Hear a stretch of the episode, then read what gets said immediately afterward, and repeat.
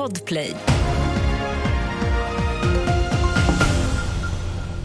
Vi börjar med att flera bussar har ställts in i Göteborgsområdet på grund av halka. Igår la SMHI ut en orange varning för västkusten mellan Lysekil och Uddevalla ner mot Kungsbacka och som gäller fram till i eftermiddag.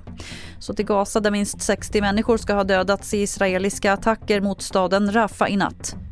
De israeliska flyganfallen ska ha orsakat panik i det tättbefolkade Rafah. Israels militär bekräftar attackerna och säger att de riktades mot terroristmål.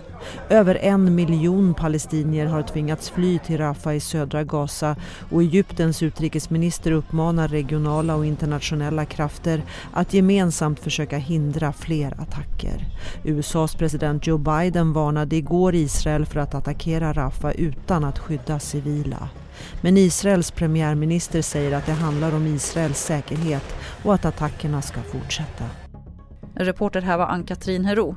Och till sist kan vi berätta att Vladimir Putins planerade besök i Turkiet, som enligt tidigare uppgifter skulle vara idag, skjuts upp på obestämd tid. Det rapporterar medier i Turkiet. Nu verkar det som att det blir av först senare i vår. Fler nyheter finns på tv4.se. Jag heter Lotta Wall.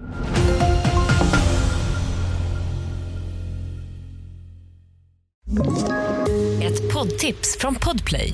I fallen jag aldrig glömmer djupdyker Hasse Aro i arbetet bakom några av Sveriges mest uppseendeväckande brottsutredningar.